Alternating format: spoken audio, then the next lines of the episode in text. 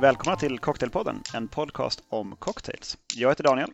Och jag heter Jakob. Och jösses, här flyger det, här flyger det glöd på mig. Oj! Aj, satan! Det brinner i mattan. Ja, det, det är väldigt dramatiskt där du sitter.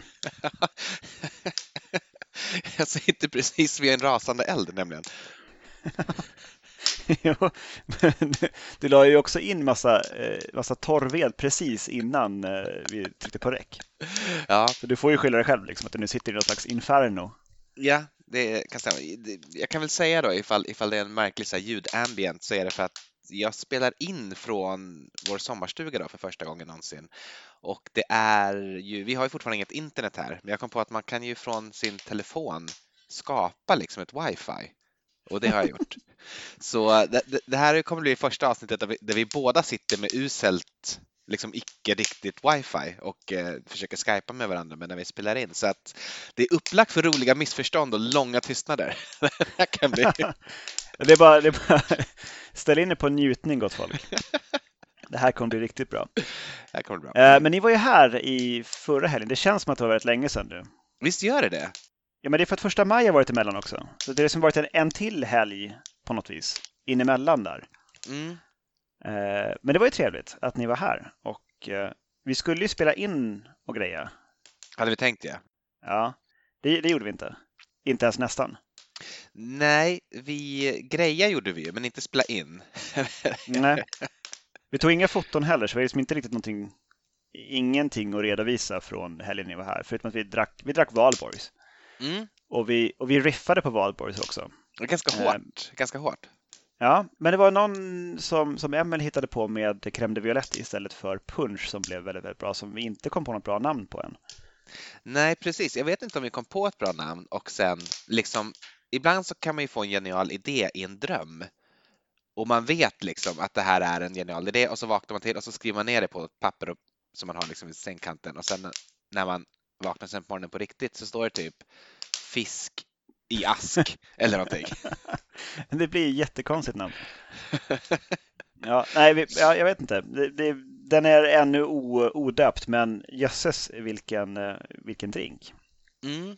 Eh, väldigt god. Eh, jag, jag, jag, tycker, jag tycker alltid att inget står originalet, men det här var ändå en, eh, en riff värd att göra om man har både Tequila Rose och eh, Crème de Violette där hemma.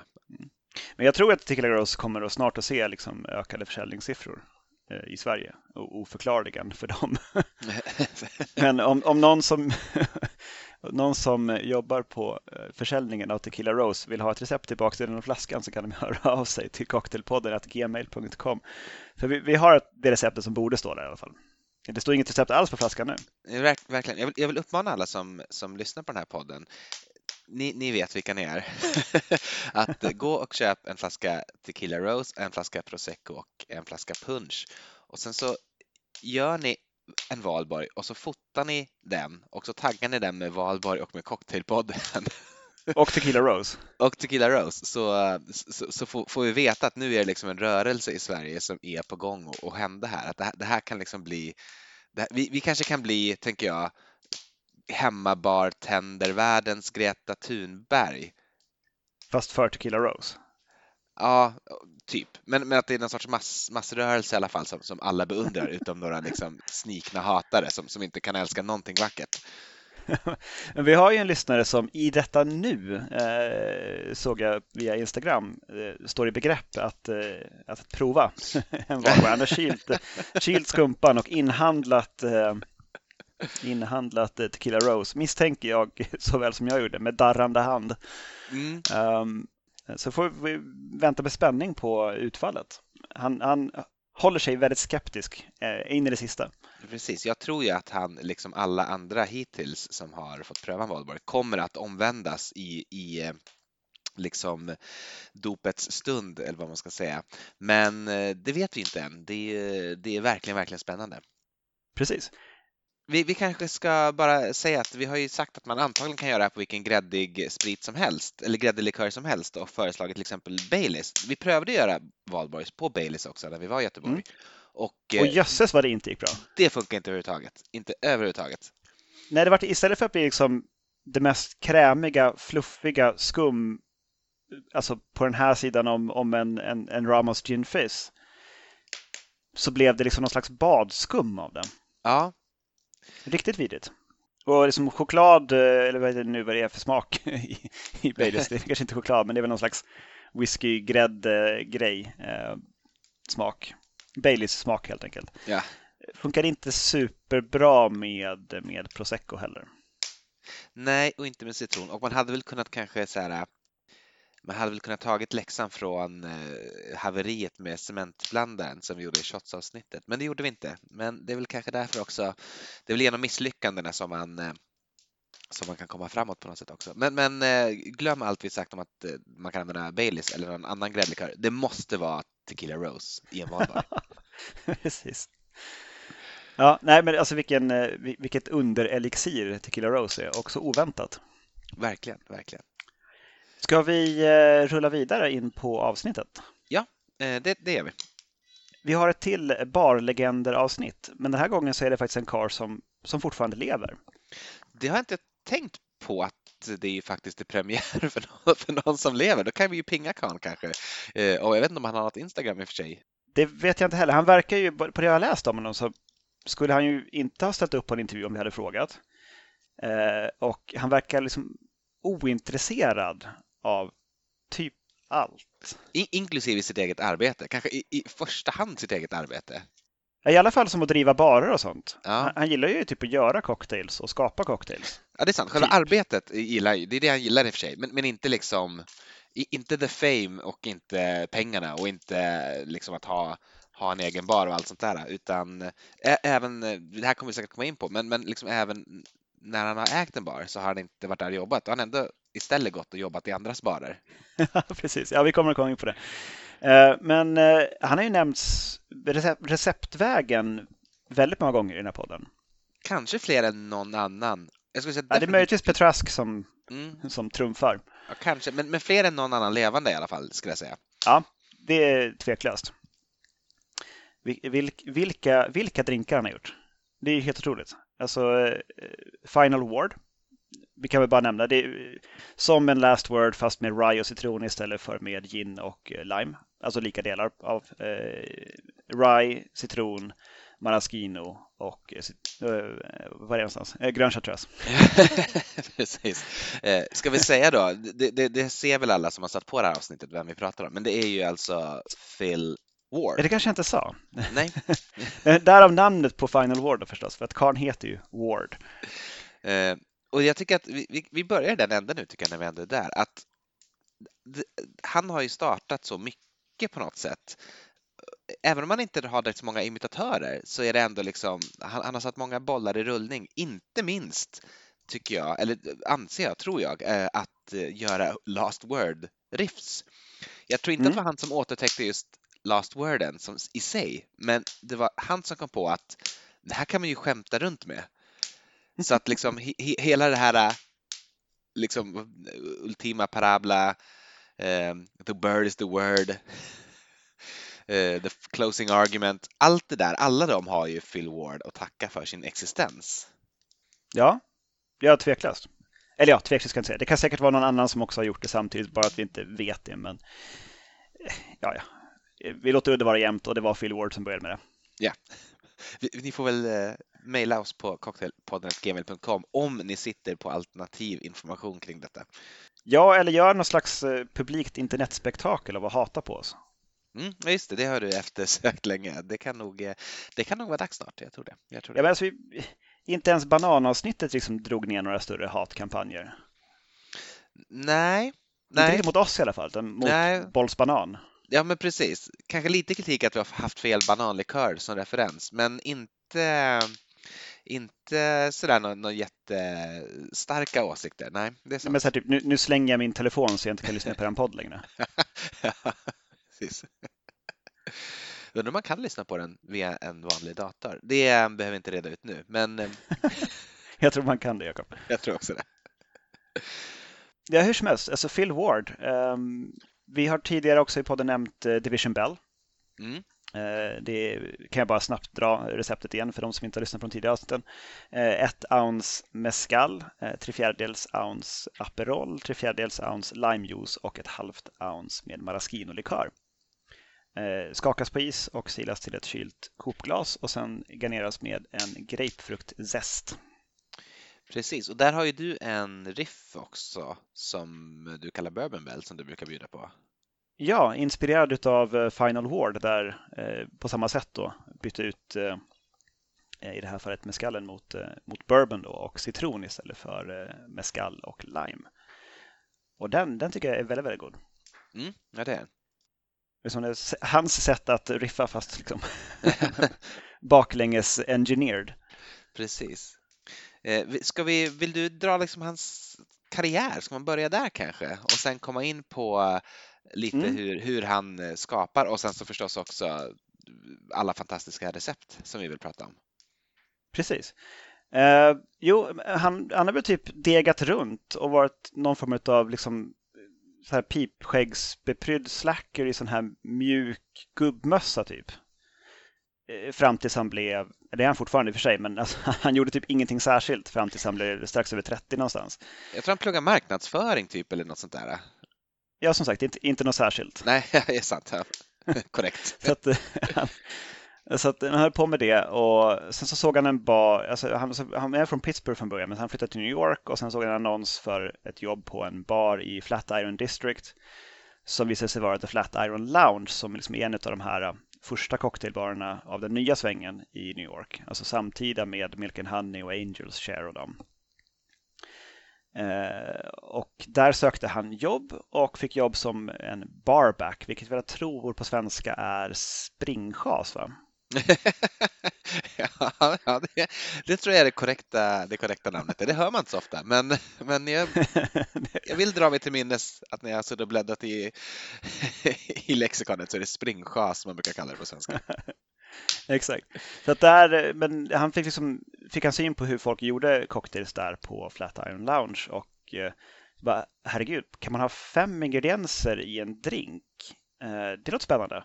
Och sen typ någon gång efter ett skift så provade en av de här drinkarna och liksom var så här, oj, kan någonting som är till för att göra mig full smaka så här också? Det måste inte vara typ vodka, cola och, och tequila shots. Utan det kan vara någonting som är fantastiskt.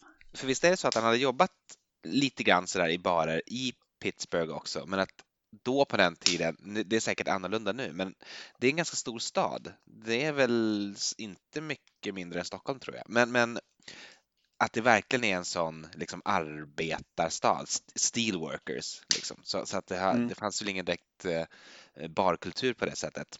Eh, och att det var typ öl och tequila shots. Och om man skulle vara fancy så var det en vodka tonic. precis, det, var, det var så spännande som det blev. Ja, men så han började intressera sig då för vad bartendrarna gjorde och eh, fick lära sig eh, utav, utav de som drev stället. Och sen så fick han någon gång när en bartender ringde in sjuk eh, chansen att liksom kliva fram och, och göra sin grej. Och som han har nämnt i någon väldigt sällsynt intervju, jag tror med Punch Magazine, mm. eh, så hade han liksom under sin tid som barback iakttagit hur de andra jobbade och kunde liksom så småningom förutse vad de skulle behöva och när beroende på vilka drinkar de gjorde. Liksom, liksom sådär, swishade fram ingredienser och grejer inom räckhåll för bartender. Och så, liksom sådär. så när de skulle vända sig om för att skrika liksom, citronsest för helvete, då stod han redan ja. med, med en korg citronsest. Liksom. Exakt. Ja, men som någon slags liksom barback ninja. Mm. Eller liksom någon slags savant eller någonting. Jag vet inte vad. Det finns ett roligt citat, undrar om det är från den eh, intervjun. Eh, ja, men det är det faktiskt. Eh, det är i alla fall från punchdrink.com eh, i en intervju. Eh, och eh, angående då hans, att han, han har liksom varit avig och aldrig egentligen velat göra någon karriär och sådär, men att han bara för att han är så himla, himla, himla talangfull lyckats, lyckats bra. De jämför honom med, med Good Will Hunting, eh, eller Will Hunting i, i filmen Good Will Hunting. Så här står det. But he rose in the industry through sheer talent, like the cocktail equivalent of the Matt Damon character in Good Will Hunting. The mop yanked out of his hand when it was discovered he can make a flawless Martinez by instinct. ja, men det är så. Jag tycker det, det är en kul beskrivning. Um, men i alla fall, så han blev uh, bartender och sen så när Pegu Club öppnade 2005 så var han med i första barteamet där och blev så småningom även head bartender där. Och sen vidare till att bli head bartender på Death Co.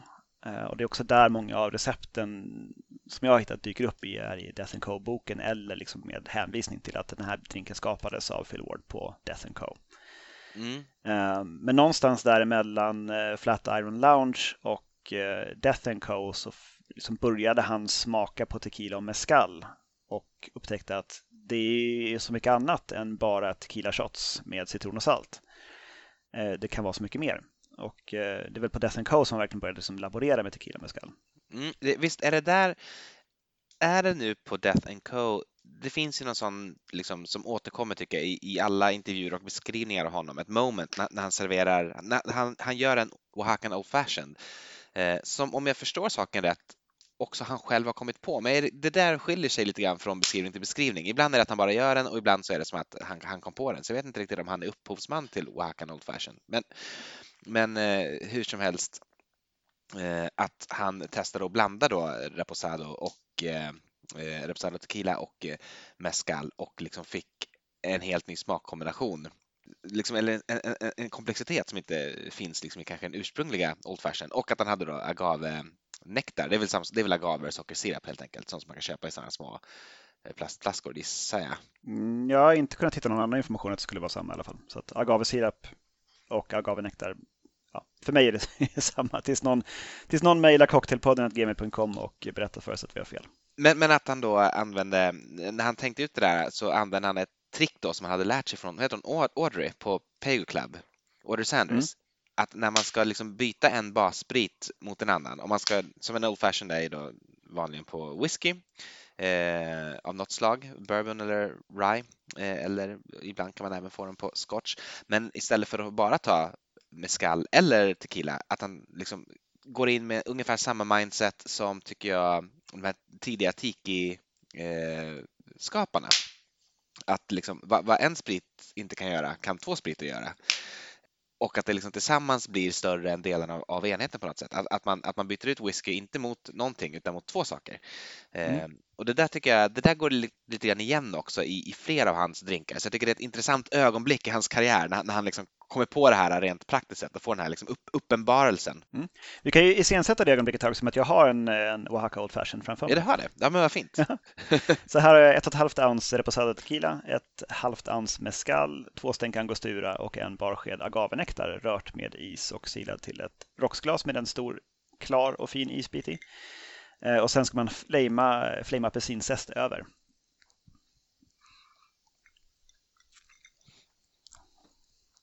Ja, det är fantastiskt gott. Jag provade den här första gången för mig, mitt eget liv faktiskt på Stranger i Göteborg. Okej, okay. vad kul. Eh, för flera år sedan nu, men eh, kul, kul ändå liksom. Och det är kul att man också kan göra sånt hemma. det gläder mig. Någonting som ja. är så, så, så fulländat på något vis. Men det är ju, jag tycker också det är en fantastiskt mysig och god eh, drink. Ursäkta mig, jag kommer att klippa lite här. Det är den här håller du på och grejer i elden, Jakob? Ja, jag håller på och grejer i elden. Får vi någon sån här uh, historiedrickarna uh, där du kör liksom en sån hot poker från elden ner i en, en drink nu? Ja, men det tror jag. Inte just nu, men, eh, men det, kommer, det kommer nog I, i nästa avsnitt kanske.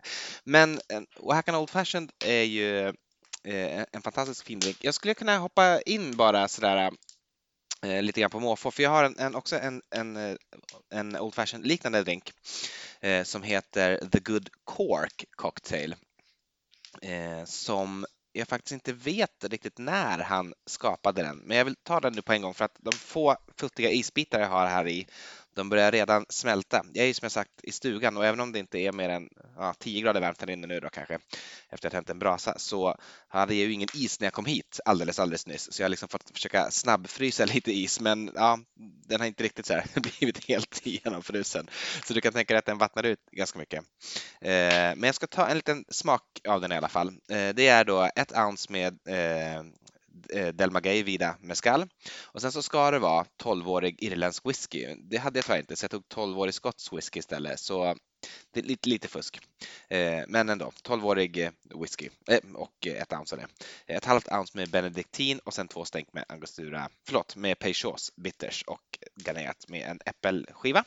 serveras i rocksglas med is. Ja, den är också, den är också otroligt, otroligt härlig. Det är så, den är så mysig och fin och liksom både rund och söt från från whiskyn och benediktinen och liksom rökig och lite vild eh, från meskallen och sen så blir det ändå en liten sån nästan syrlighet då från, från äppelskivan då, även om den är lite grann i bakgrunden. Men det, det här är ju samma idé tycker jag, att det är två stycken, det är två stycken basspriter i den här. Eh, så, så det är lite samma tänk tycker jag. Och också lite oväntade kombinationer. Det är ett, liksom, Irland och Mexiko är ju inte de två. alltså, det... det är sällan de står liksom precis bredvid varandra sådär liksom i någon, någonting. Och, och, det tycker jag förresten, nu, nu kommer jag komma in på det på en gång. Eh, jag, jag, tycker det också är talande för hans sätt, för Phil Wards sätt att komponera drinkar som jag inte riktigt upplever att någon annan som jag känner till i alla fall har gjort på samma konsekventa sätt och det är att hitta smaker som inte harmoniserar utan liksom kompletterar varandra. Och det här är lite grann skillnaden, tycker jag, mellan västerländsk och asiatisk kökskonst. För i västerländsk kökskonst så gör man ofta så att man hittar smaker som harmonierar och gifter sig med varandra och liksom går ihop och liksom det ska bli en enhet och man ska inte kunna skilja ut liksom smakerna från varandra riktigt.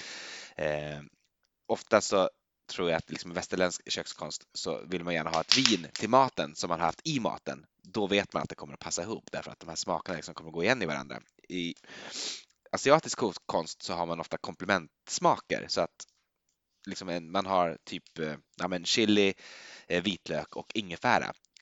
De har liksom tre helt olika profiler. De, de nuddar nästan inte varandra alls, men tillsammans så, liksom, så, så fyller de upp en väldigt bred yta. Och jag tycker han, han jobbar liksom mer på det sättet. Att han hittar saker som inte liksom gifter sig, men som kompletterar varandra istället. Eh, och det är väldigt, väldigt intressant tycker jag. Och det är, om inte unikt så åtminstone ganska ovanligt och resulterar i alltså, vilda drinkar men som är ja, men geniala alltså. Det är fantastiskt. Jag, jag älskar det här. Ja, han har ju sagt det någon gång att uh, han, vet inte, han förstår inte varför.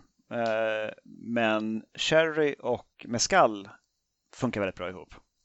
Men han kan inte, han kan inte för sitt liv förstå varför, liksom, men att de, de ändå på något vis gör någonting för varandra. Och jag tänker också sådana saker som typ Aperol och Maraschino. Men alltså, Maraschino funkar ju med allting. Precis, det är lite ingen fusk. svår grej att knäcka egentligen. It's called the improver for a reason. Precis. Eh, jag kan förresten bara få nämna också angående mina drinkar att eftersom eh, jag ju bara har tillgång till stugförrådet här ute i stugan så har jag inte kunnat göra någon av de här här ute utan de här har jag blandat till i går redan och hällt i små flaskor. Eh, de, som, de två som jag har med mig idag. Ja, de är alltså, de är alltså flasklagrade? Mm, de är flasklagrade i, i ett dygn ungefär. Eh, så jag var lite orolig för att det skulle gå, men det är ingen citrus eller sådär i dem, utan det är bara liksom spriter och bitters. Eh, och så har jag då fått spä ut dem och försöka snabbkyla dem så mycket jag kan då sen jag kom hit. Men åtminstone den här The Good Cork, alldeles, alldeles utmärkt. Mm. Eh, vill du eh, kanske fortsätta med några fler drinkar? Jag tänkte jag skulle ta, ta vidare ungefär var vi, var, vi, var vi lämnade den gode Phil. Det var mm. ju fortfarande på Death Co. Um, och då är det ju någonstans där 2007-ish som han är på Death Co. Men sen 2009 så började han, öppnade han ett ställe tillsammans med några andra då, som heter Mayahuel. Uh, som var specialiserade sig just på tequila och mezcal. De hade eh, en, ett, en drös med, eh, med mezcalsorter i lokalen. Och eh, det här är då det stället som, som du nämnde alldeles i inledningen. Där han, han var liksom initiativtagare och grundade tillsammans med andra det här stället. Och eh, han valde att spendera sin tid jobbandes på ett annat ställe. I, i, i, en helt annan borough i New York. Faktiskt. Han var på Long Island Bar i Cobble Hill istället för på den här äh, Maya Joel.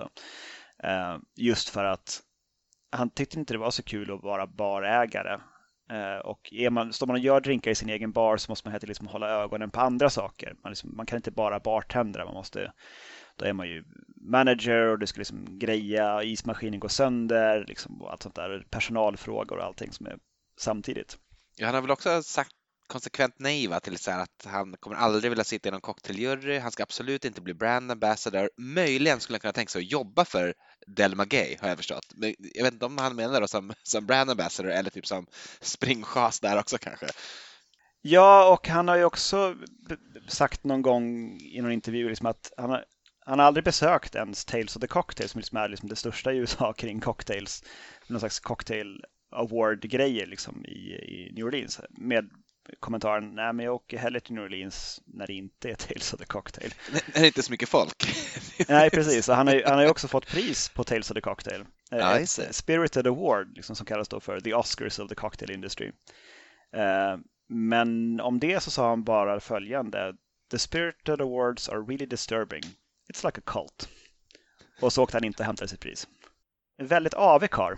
Ja, jag... Eh, ja, men så här jag kan inte låta bli att beundra det precis på samma sätt som jag egentligen... Vi har ju pratat om några olika... Det är den tredje eh, liksom barpersonen som vi pratar om i den här podden och alla tre har man ju inte kunnat undgå att ändå känna någon sorts beundran för och så även inför Phil Ward naturligtvis. Men jag tycker det är intressant att Sasha Petrasky, Eh, Dick Bradsell och Phil Ward, de är alla, alltså, de är alla totalt olika men har ändå uppnått någon sorts liksom excellens inom sitt fält.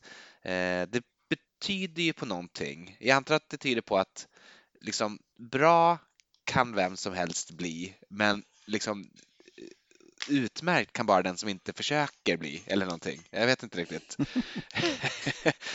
du får nog fila på den här tror jag. Nej, men det finns ju ändå, det finns någonting där. Det finns någon sorts sedelärande historia om att man ändå alltså om man verkligen, verkligen, verkligen vill bli något, då måste man göra sin grej. Det finns liksom ingen, du kan inte härma någon. Eh, jag tror inte det kan liksom ingen kom, det kan inte komma en till Phil Ward som är som Phil Ward och bli Phil Ward. Jag vet inte vad nästa grej kommer att bli, men, men, men, eh, men, men han är som sagt extremt avig, extremt ointresserad av branschen också på ett närmast parodiskt sätt. Ja, nej men det är alltså, saker som har sagts om honom. Att han är ocharmig som sagt. Um, han liksom tagit sig fram då på ren skär talang som du nämnde i inledningen. Och han, om det har han själv sagt också. It's pretty amazing how far I've come, he admits. Regulars actually pretend to like me now. att, och den här karln då som har Long Island Bar, där dit Phil, åtminstone då 2018-2019 någonstans, där liksom smög iväg och jobbade. Eh, minns inte, han heter Toby Cecchini, men han minns inte att han någonsin har anställt Phil. Han liksom bara dykt upp en dag som pojkvän till en bekant till någon som var i, i ledningen av baren och typ ställde sig bakom baren och började jobba. Och sen liksom han, enligt då Toby, grävt sig fast som en sandkrabba, vad nu det ska betyda, men, men sådär jordat sig på något vis i baren. Men nu, nu, ja, nu är Phil här igen och jobbar liksom. Ja, okej. Okay. Han stod inte med på något schema liksom. Men, ja, ja. Har han någon lön då liksom? Nej, jag vet inte, han behöver nog inte det. Han, jag tror han tjänar nog rätt bra på Maja Huel. Precis. Ja, Maja Huel tror jag inte finns kvar längre nu, men eh, jag tror han, han, han, jobbar väl runt på andra ställen och typ jobbar inte på en bok och håller inte på med någon brand ambassador-grej eh, och liksom inga andra samarbeten eller någonting. Han bara han summerade det i, den här Punch Magazine-intervjun med eh, I really like bartending. Och bara det. ja. Och det är ett väldigt fint sätt att sammanfatta karln också. Ja, men precis. Men han kanske är mera då, om man ska jämföra med, med personer ur historien på något sätt, lite grann som Sokrates. Som ju heller, han skrev aldrig ner någonting, eh, men, men genom sitt exempel ändå grundade västerländska filosofin. Okej. Okay. Ja, eller så är han bara liksom en, en, en trulig kar som gillar att skaka drinkar och inte så mycket andra grejer. det kan, det kan typ, man ju är liksom haunted av sin egen framgång och typ folk vet att han ska göra grejer. Men han vill bara, göra, han vill bara göra drinkar. Så, så han smyger iväg liksom i skydd av mörkret och tar sig till Long Island och gör drinkar där under, under ett taget namn och med en hatt på sig. Liksom. Ja, hur som helst, ska vi, jag kan ta några fler eh, recept, saker som jag inte har gjort men som jag tyckte lät väldigt spännande. Ja. Eh, du får hojta till för att det är någon de som du förstås har gjort. Eh, men en, en Bushwick tycker jag lät fin. Eh, det är två ounce rye, tre fjärdedels ounce söt vermouth och då föreslår han Carpano Antica. Eh, ett fjärdedels ounce maraschino och ett fjärdedels ounce amerpicon. Eh, och det har väl du amerpicon va? Det är en sån apelsinig eh, amaro. Ja, men exakt. Som säljs i jättestora flaskor som du räcker hur länge som helst. Ja, precis. Den är, den är liksom... den får man vara... Man får vara sugen på amerpicon om man ska ha den hemma. Det är rätt gott, men även om man tycker att det är rätt gott och liksom ibland när man kommer hem en, en fredag eftermiddag från jobbet och är liksom ensam hemma och kommer att vara det i några timmar för att ens fru jobbar längre dagar och man häller upp sig ett litet glas Amarpicon så, så räcker det ändå väldigt, väldigt länge. Jag tror att vi kanske har tömt en fjärdedel av flaskan på typ de två år som vi haft den eller någonting. Ja, det är en evighetsflaska alltså. Ja, det får man säga. Uh, sen har vi uh, The Beefsteak Martini. Uh, två ounce gin och då föreslår han Plymouth gin. ett ounce Bianco vermouth och ett ounce torr vermouth. och två shiso leaves som är en sån japansk bladkrydda. Som jag har sett i drinkar för typ 5-6 år sedan ute. Det var liksom lite stort med shiso leaves. Jag vet faktiskt inte hur de ser ut riktigt. Men liksom lite taggig kant. Eh, ah, Okej, okay. ja men då tror jag att jag vet vad det är. Men tunna liksom. Ja, då ska man i alla fall... Eh, Bushwick var förresten en rörd drink eh, för den som undrade om det. Eh, så även eh, beefsteak Martini. Då eh, rör man eh, ett av de här cheeseolivsen med eh, vätskorna och sen så gnuggar man det andra cheeseolivet mot bladkanten innan man, eller mot glaskanten innan man häller över drinken i glaset. Och sen den tredje här som jag, jag bara ser på. Eh, Stone Raft tyckte jag lät väldigt bra men den lite speciella ingredienser som jag inte var beredd på att jag hade behövt köpa in grejer till. Eh, ett och ett halvt ounce sherry, eh, ett halvt ounce jalapeno tequila, ett halvt ounce mescal, en barsked agave, eh, sirap och två stänk celery bitters. Och då är det jalapeno tequilan som jag inte, jag hade inga jalapenos hemma. Eh, jag antar att det är färska, färska jalapenos man ska ha. Så man ska liksom då ta två jalapenos, skära upp dem i små bitar, blanda dem med tre deciliter tequila, låta dem stå i en burk i inte så länge ändå. Eh, jag tror det var en 20-25 minuter eller någonting och sen sila av. Ja, det, för att få en eh, jalapeno-smak eller eh, tequila. Jag, jag funderade faktiskt på den också, eller när jag, när jag satt och liksom researchade inför avsnittet sådär, men insåg sen i och med att jag skulle vara här ute och spela in att det nog inte var ett alternativ. Mm. Nej, precis. Men det, det, den är jag sugen på att göra ändå någon gång för att eh, just det är den här kombinationen med, med sherry och med skall som, eh, som han själv nämner som liksom en, en upptäckt. Mm. Eh, så det tycker jag är spännande. Eh, sen hade väl du gjort eh, tidigare någon gång en Joy Division? Va? Ja, eh, det har jag gjort. Minst en gång i alla fall. Det är en sån här drink som innehåller ett litet skvätt absint och som man därför blir lockad av att göra. Det är inte inte en av mina favoriter egentligen med eh, eh, Phil Ward. Det är absolut inget fel på den. Det är en god drink. Den ska serveras i ett eh, martiniglas eller ett kopglas.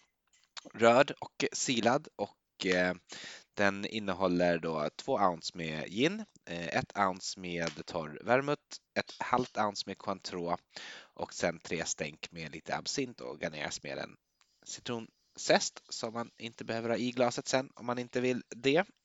Men det är, jag tycker egentligen inte att Cointreau absint funkar sådär super, super, super bra ihop. Det, det, är ingen, eh, det är ingen hemsk drink på något sätt, men det är ju en, det är en martini med lite apelsin och anis kan man säga.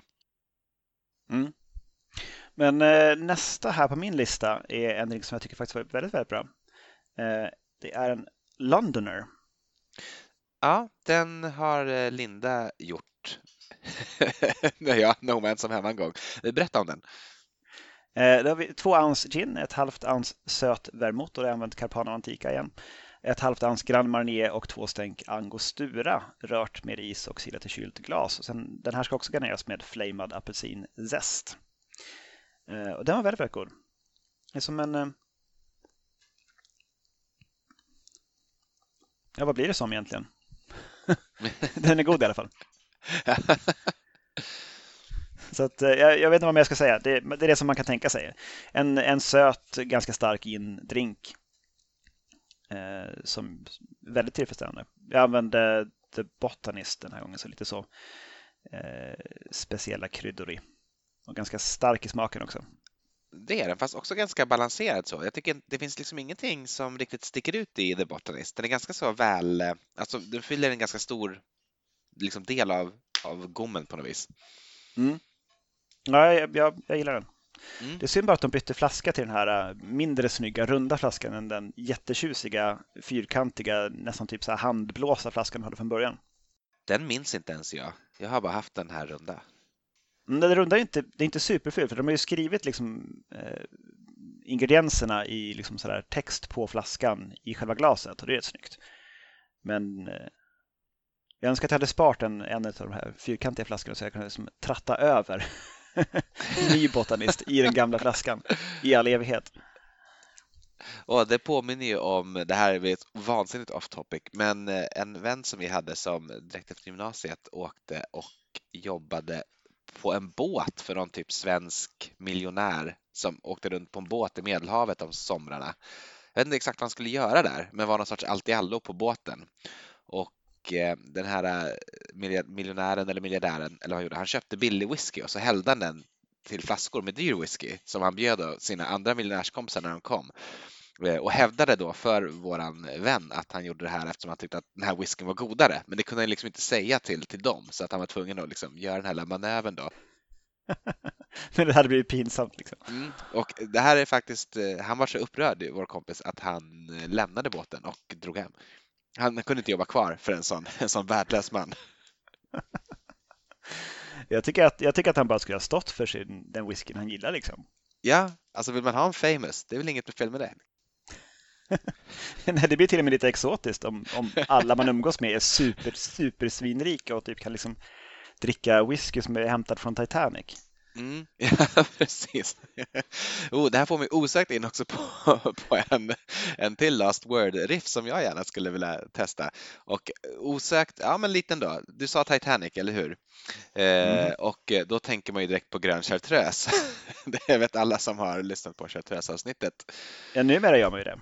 Mm, precis. Och eh, den som jag tänker på det är Trato Hecho Cocktail Eh, Eh, jag vet inte vad trato hecho betyder. Jag gissar någonting på spanska som på något sätt gör att man förstår att det är en last word om man kan spanska. Men i en eh, trato hecho ska det i alla fall vara då tre fjärdedels ounce med eh, ananasinfuserad mescal. Det gissar jag att man kan göra själv. Eh, ganska så enkelt. Det står till och med så här står det. To make pineapple infused mescal.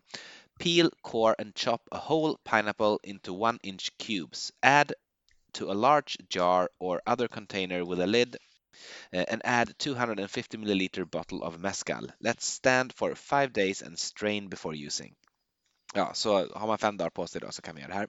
Eh, så tre fjärdedels ounce av det, sen tre fjärdedels ounce med grön chartreuse, tre fjärdedels ounce med maraschino-likör och tre fjärdedels ounce med limejuice. Och eh, jag kan verkligen tänka mig att ananasinfuserad mezcal är delikat.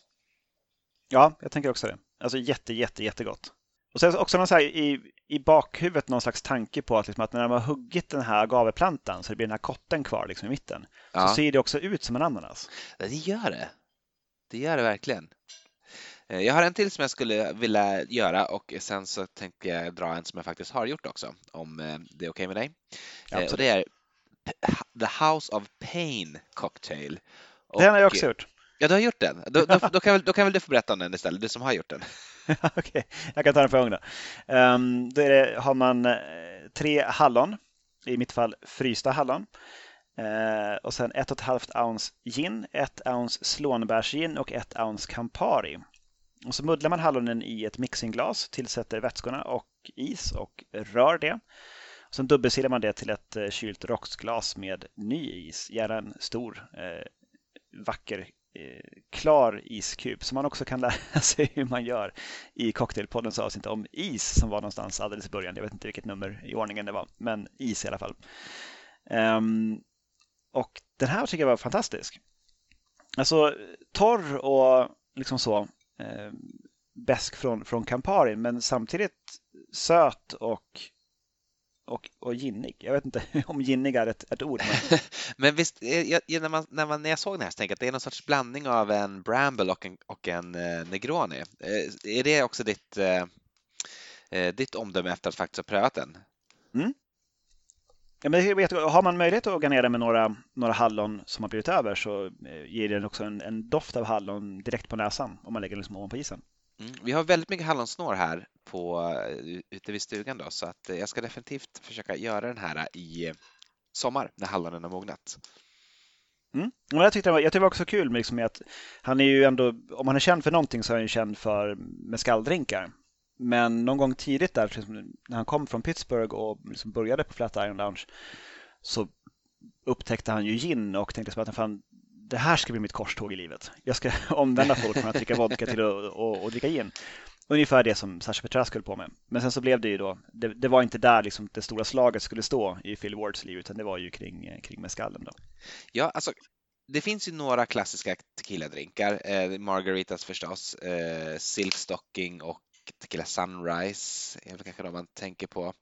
Men det finns ju mig veterligen inga, definitivt inga klassiska mezcal-drinkar och undrar om det är liksom någon som på allvar har gjort drinkar, alltså cocktails med mezcal innan Phil Ward. Inte någon utanför mezcalproducerande länder i alla fall tror jag.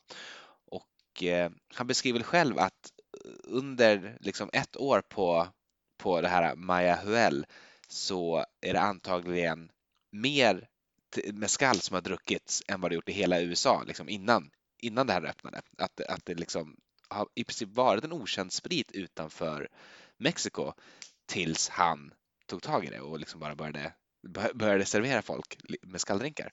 Och det, är, det är stort. Det är det verkligen. Och att man nu, liksom, nu idag var som helst kan gå in och få en mescal last word utan att, liksom, att ett ögonbryn höjs. Mm. Jag tycker det är, om, om, han, om han ligger bakom det så, så är han verkligen förtjänt av ett stort tack. Ja, men jag tror att han gör det. Jag, jag, tror att jag ska inte säga att han är den första, för det finns ju alltid någon som är först som, som ingen liksom har skrivit om och ingen har sjungit om. Men jag tror att han är den första som folk vet om i alla fall. Eh, det är jag nästan säker på. Men helt säker kan man ju aldrig vara. Eh, och som sagt, det, det, finns säkert någon, någon som kan leta upp något liksom, gammalt recept i någon bok, men, men ändå i princip. Han, han tog med skallen ut ur Mexiko.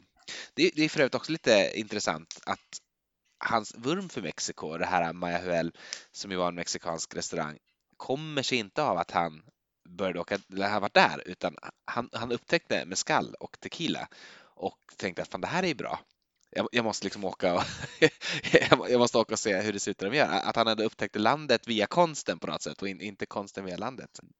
Det, det, det finns också något, eh, det, det, finns något intressant att säga om det och det kommer säkert att gå att koppla till vad man har sagt om Andy Warhol. Att eh, att eh, jag vet inte om han, om han imiterar eh, verkligheten eller om verkligheten imiterar Andy Warhol. Men, men, men, men jag har inte liksom kommit på vad det här smarta än är så att det, det får bli när vi gör ett, ett Phil Ward uppföljningsavsnitt. Då, då, ska jag, då ska jag ha skrivit klart det här att prata Ja, du får klura lite på den. eh, men ska, hur som helst, ska jag komma till min andra drink då för dagen, eller för kvällen, som heter Lipspin. Och eh, så här eh, säger han själv då. Eh, the three ingredients in this drink look odd together on paper but are in fact delicious. Uh, Sinar is bitter and slow gin is a bit sweet. I can remember thinking, will they work with tequila? They do.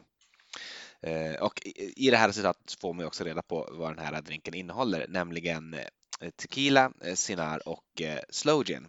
Det vill säga slånbärsgin. Jag har använt min egen slånbärsgin som jag har gjort och jag vet inte riktigt vilken årgång det är för när jag gör en ny årgång så brukar jag alltid blanda ihop dem också så det blir ändå någon sorts liksom, liksom stor blend från år till år till år. Eh, Slånbärs gin solera. ja, precis. Eh, men, men god är den i alla fall. Det är det det, det vågar jag lova. Men i den här så ska du ha en och en halv ounce med Blanco Tequila, tre fjärdedels ounce med Cynar och tre fjärdedels ounce med Slow Gin och det här ska röras på is och silas till ett Coop-glas. Sen så står det One Branded Cherry for Garnish. Eh, det hade jag tyvärr inte här ute och jag hade heller inget Coop-glas utan har fått nöja mig med ett helt vanligt vinglas så det ser ju lite osnyggt ut kanske men eh, Vad gott är det! Och eh, Synar och Slånberg, ja faktiskt, han har det. Han, han, eh, han binder ihop det här igen. Och som sagt, det, det, är inte, det harmoniserar inte, det harmonierar inte, utan det, det kompletterar. Det, det är någonting där alltså. Fantastiskt. Ja, vilken kar. Har du något mer Jakob? Jag har egentligen inte det. Nej, men då säger vi skål och godnatt. Jag tycker det här var ett, ett trev, en trevlig eh, bekantskap med en kar som antagligen inte hade varit intresserad av att prata. Nej, men, men, eh, men eh, det är helt okej. Skål en, en sak vill jag säga bara. Jag, jag nämnde lite grann skämtsamt att det får bli uppföljaravsnittet, men jag kan på allvar tänka mig att vi någon gång kommer att göra ett uppföljaravsnitt av, av Phil Ward, för att det finns så många drinkar som jag vill göra och eh, som jag inte liksom kan göra ännu för att jag inte har alla ingredienser, till exempel Pineapple Infused Mescal så uh, hang in there, eller vad säger man? Stay tuned. Uh, det, kan, det kan komma mera från den här kan i den här podden. Men till dess, tack för att ni har lyssnat. Ja, tack så mycket. Skål och godnatt! Godnatt!